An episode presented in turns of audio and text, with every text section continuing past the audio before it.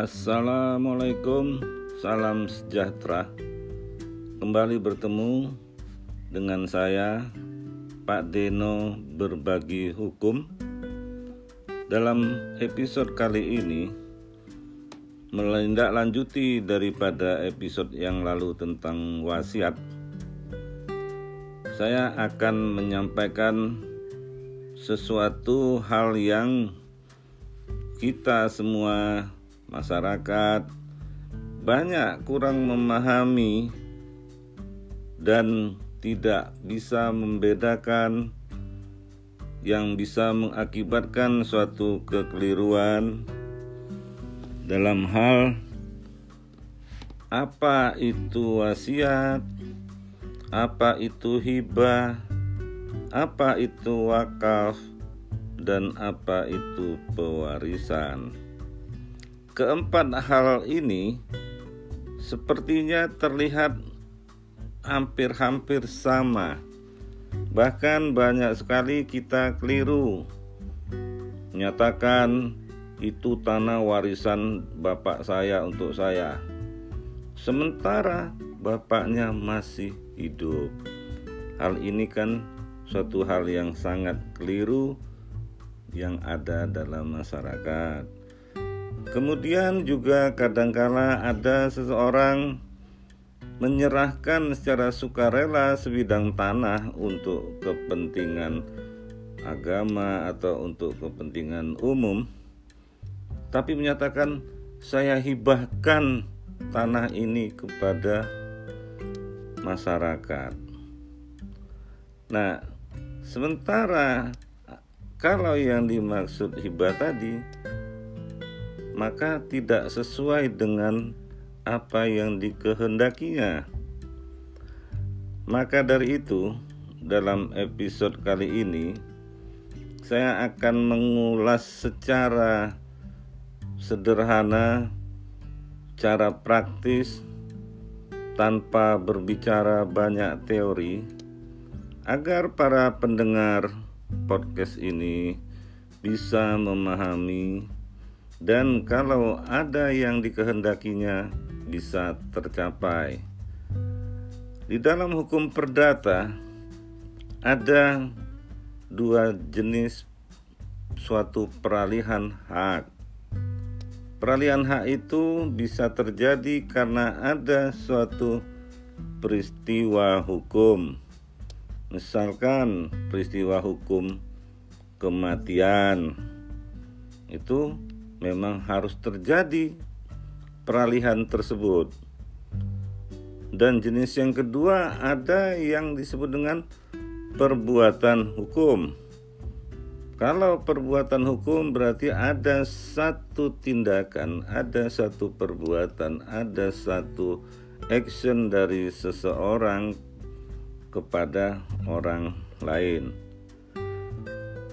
Nah, menyambung tentang topik podcast kita kali ini kita akan memberikan suatu pencerahan kepada masyarakat tentang perbedaan-perbedaan wasiat, hibah, wakaf, dan pewarisan.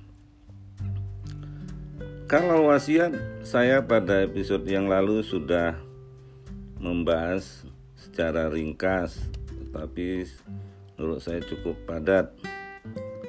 Tapi di sini saya ulang kembali pengertian wasiat berdasarkan pasal 874 Kitab Undang-Undang Hukum Perdata atau Wetbook Fund ah, maaf uh, Berherlok Wetbook atau BW di sana disebutkan wasiat adalah pernyataan dari seseorang tentang apa yang diinginkannya setelah ia meninggal dunia. Nah, ini juga dipertegas oleh Profesor Subektui. Dalam hal ini berarti wasiat itu berlaku setelah si pewasiat meninggal. Dan juga wasiat tersebut dapat dicabut atau diubah oleh si pembuat wasiat. Jadi di sini kalaupun wasiatnya seseorang memberikan sesuatu hartanya kepada orang lain atau kepada ahli warisnya sendiri nantinya, maka peralihan haknya atau berpindah haknya itu terjadi setelah si pembuat wasiat meninggal dunia. Ini kata kuncinya kalau wasiat. Beralih haknya setelah si pewasiat meninggal dunia. Dan selama dia masih hidup, wasiat tersebut dapat dicabutnya kembali atau dapat diubahnya sehingga mungkin saja sepanjang hidupnya dia ada melakukan perubahan-perubahan wasiat beberapa kali mungkin karena perubahan-perubahan pemikiran dia tentang hartanya dan sebagainya. Kemudian yang kedua yang sangat banyak masyarakat juga tidak bisa membedakannya dengan wasiat atau dengan pewarisan. Yaitu apa yang disebut dengan hibah.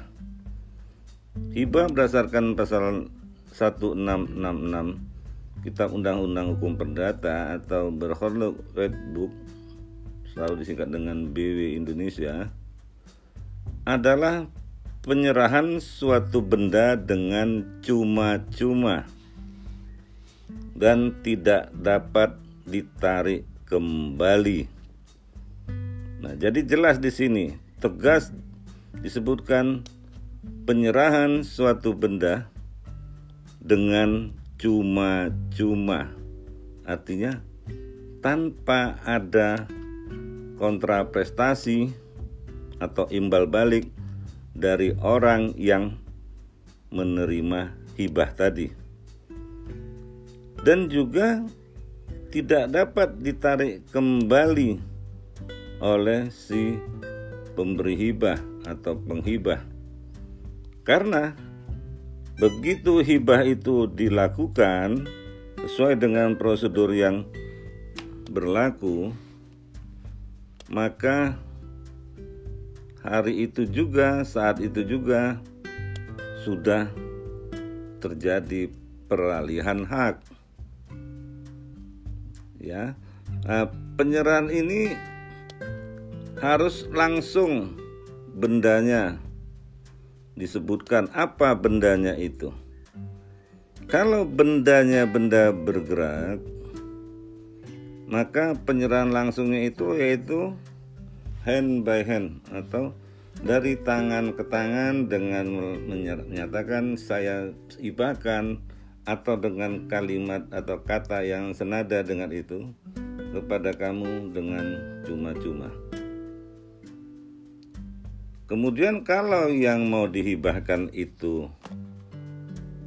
benda tidak bergerak dalam hal ini tanah dan bangunan beserta segala sesuatu yang berada di atasnya itu berdasarkan kita undang-undang hukum perdata harus dilakukan dengan suatu akta otentik ya itu yang harus kita pahami harus dilakukan dengan akta otentik.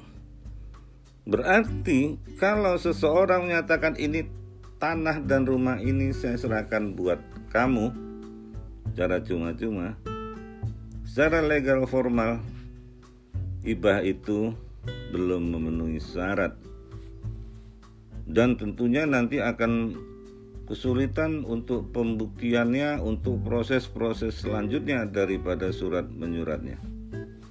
Makanya di sini disyaratkan harus dengan akta otentik. Saya di sini tidak membahas tentang apa itu akta otentik. Jadi para pendengar podcast yang saya cintai, dalam hal wasiat dan hibah saya berharap kita-kita para pendengar bisa membedakannya. Jadi jangan sampai salah melakukan perbuatan hukum apakah membuat wasiat atau menghibahkan. Ya. Kemudian ada lagi yang mirip-mirip dengan dua hal tersebut yaitu apa yang disebut dengan wakaf Wakaf ini diambil dan dasarnya dari hukum Islam di mana kalau suatu benda diwakafkan berarti dia berhenti dari peredaran di antara manusia.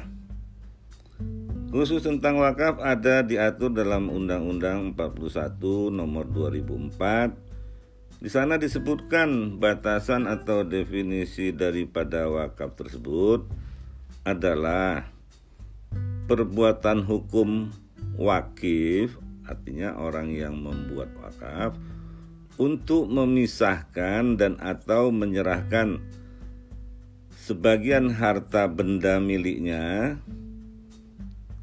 untuk dimanfaatkan selamanya atau untuk jangka waktu tertentu sesuai dengan kepentingannya guna keperluan ibadah dan atau kesejahteraan umum menurut syariah.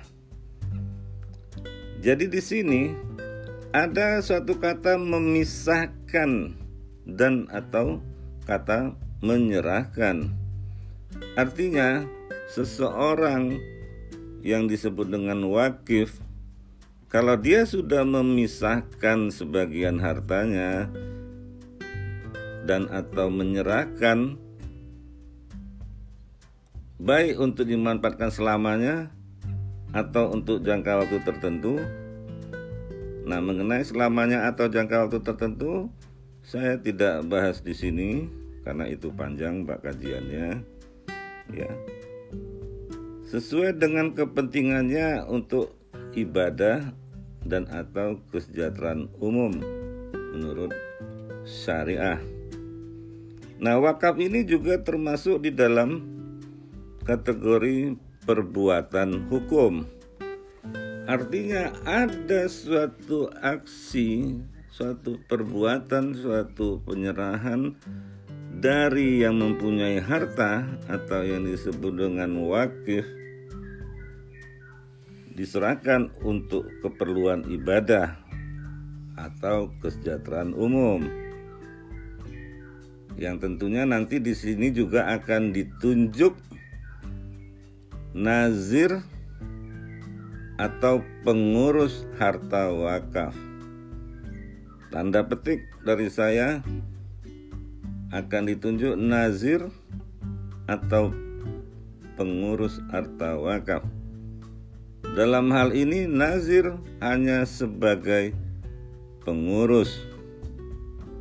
Harus diingat Nazir adalah seorang pengurus, bukan pemilik harta yang diwakafkan.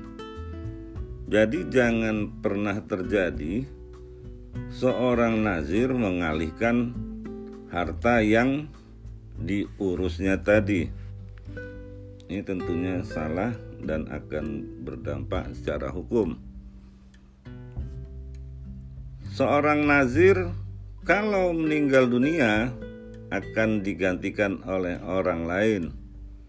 Tentunya yang bisa menggantikannya, yang menunjuk penggantinya adalah tokoh agama, tokoh masyarakat, kemudian dengan persetujuan Badan Wakaf Indonesia. Ya. Ada kalanya wakaf juga nazirnya itu atau pengurusnya adalah suatu badan hukum. Misalkan si A mewakafkan sebidang tanah yang diperlukan untuk pondok pesantren. Dia mensyaratkan untuk pondok pesantren, tapi keperluan ibadah. nazirnya yang ditunjuk adalah suatu badan hukum yayasan pembinaan pondok pesantren Indonesia misalkan maka yayasan pembinaan pondok pesantren tersebutlah yang berkewajiban mengurus tanah tadi diusahakan untuk dijadikan pondok pesantren. Di sini juga harus hati-hati. Yayasan Pembina Pondok Pesantren Indonesia tadi bukan pemilik, bukan pemilik. Tetapi hanya nazir. Kalau kita lihat di sertifikatnya misalkan, sertifikat tanah tadi nanti akan terjadi di situ pemegang hak Yayasan Pondok Pesantren ini Indonesia sebagai nazir. Ya. Ini banyak terjadi badan hukum yang selaku nazir tadi menganggap harta tadi atau tanah tadi adalah milik yayasan itu. Ini banyak terjadi sengketa banyak terjadi permasalahan. Jadi di sini harus benar-benar tokoh agama menguasai tentang ketentuan wakaf ini, pengawasan terhadap nazir.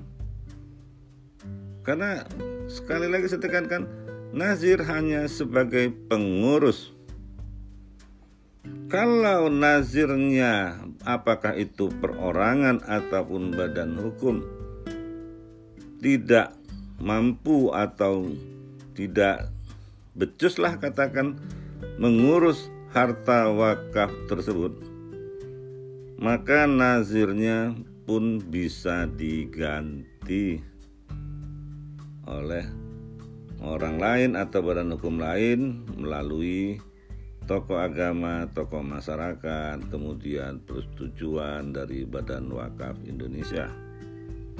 Ya, perlu diingat di sini nazir hanya pengurus. Kalau nazir meninggal itu bukan hak ahli warisnya. Selesai tugas dia sebagai nazir. Tentunya akan digantikan oleh orang lain yang cakap untuk ditunjuk sebagai nazir. Jadi para pengurus yayasan ini yang paling banyak para pembina yayasan kalau ada yang dikuasai itu harta wakaf maka jangan dimasukkan itu sebagai harta atau aset yayasan. Ya, mungkin saja kali ini yayasan pembina pondok pesantren Indonesia yang sebagai nazir. Kelas 10 tahun kemudian mungkin ditunjuk yayasan kesejahteraan umat misalkan seperti itu. Itu sah-sah saja. Ya. Mengapa demikian? Karena jangan sampai harta yang diwakafkan oleh si wakif tadi tidak dimanfaatkan. Seseorang mewakafkan hartanya tentunya mengharapkan itu menjadi amal jariah yang kalau dipergunakan dimanfaatkan untuk kemaslahatan umat maka pahalanya akan mengalir terus walaupun si wakif sudah meninggal dunia. Tetapi kalau tidak dimanfaatkan misalkan diterlantarkan si wakifnya sudah meninggal dunia, kasihan beliau. Amalnya tidak mengalir karena tidak dimanfaatkan. Ya, makanya di sini juga terhadap harta-harta wakaf pengawasannya oleh Badan Wakaf Indonesia harus lebih intensif. Kemudian bentuk yang terakhir yang juga banyak kita tidak bisa membedakan dengan tiga hal yang tadi. Kadang dicampur aduk, campur aduk menjadi tidak jelas. adalah apa yang disebut dengan pewarisan. Pewarisan kalau berdasarkan pasal 830 Kitab Undang-Undang Hukum Perdata atau Burgerlijk Wetboek atau disingkat BW Indonesia adalah penyerahan eh, maaf ada karena suatu kematian kata di sana. Jadi pewarisan hanya ada karena kematian.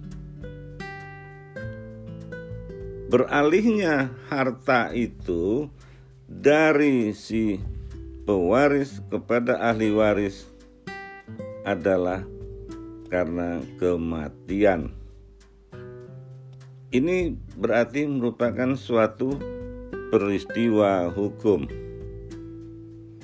Si pewaris sebelumnya tidak pernah menyatakan hartaku nanti dibagi untuk ini sekian ini sekian.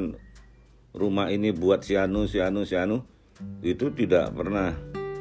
Kalau itu yang dilakukan dia berarti bukan pewarisan jatuhnya. Dia membuat suatu wasiat. Ya. Jadi pewarisan itu adalah suatu peristiwa beralihnya harta seseorang atau pewaris kepada ahli warisnya karena si pewarisnya meninggal dunia. Ya kemudian eh,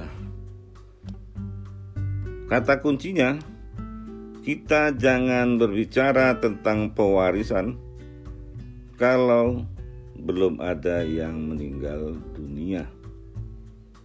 Ya harus eh, pendengar pahami kata kuncinya tidak ada pewarisan kalau tidak ada yang meninggal dunia jadi kalau orang tua kita masih hidup maka kita tidak pantas bahkan tidak boleh berbicara ini warisan untuk saya, ini warisan untuk saya.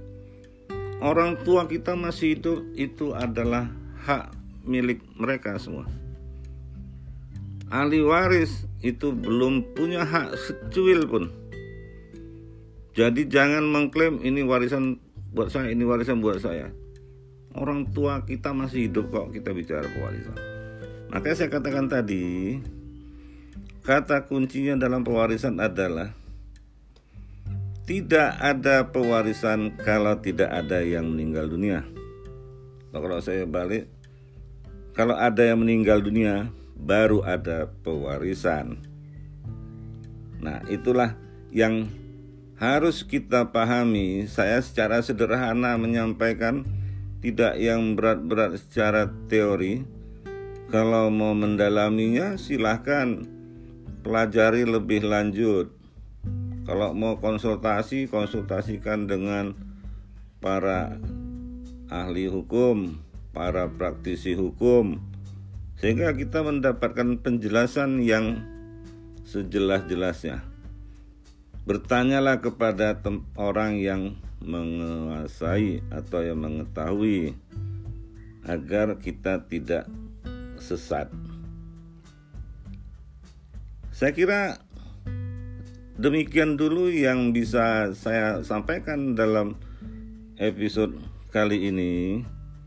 Insya Allah kita bertemu dalam episode-episode selanjutnya membahas hukum secara praktis yang sederhana-sederhana yang bersinggungan dengan kita-kita, yang tidak jauh dengan kita-kita, yang memang secara sederhana masyarakat harus tahu, harus paham, sehingga tidak sesat. Cukup sekian para pendengar. Mohon maaf kalau ada yang tidak cocok dengan apa yang ada pada para pendengar. Bila itu topik hidayah. Assalamualaikum warahmatullahi wabarakatuh. Salam sejahtera.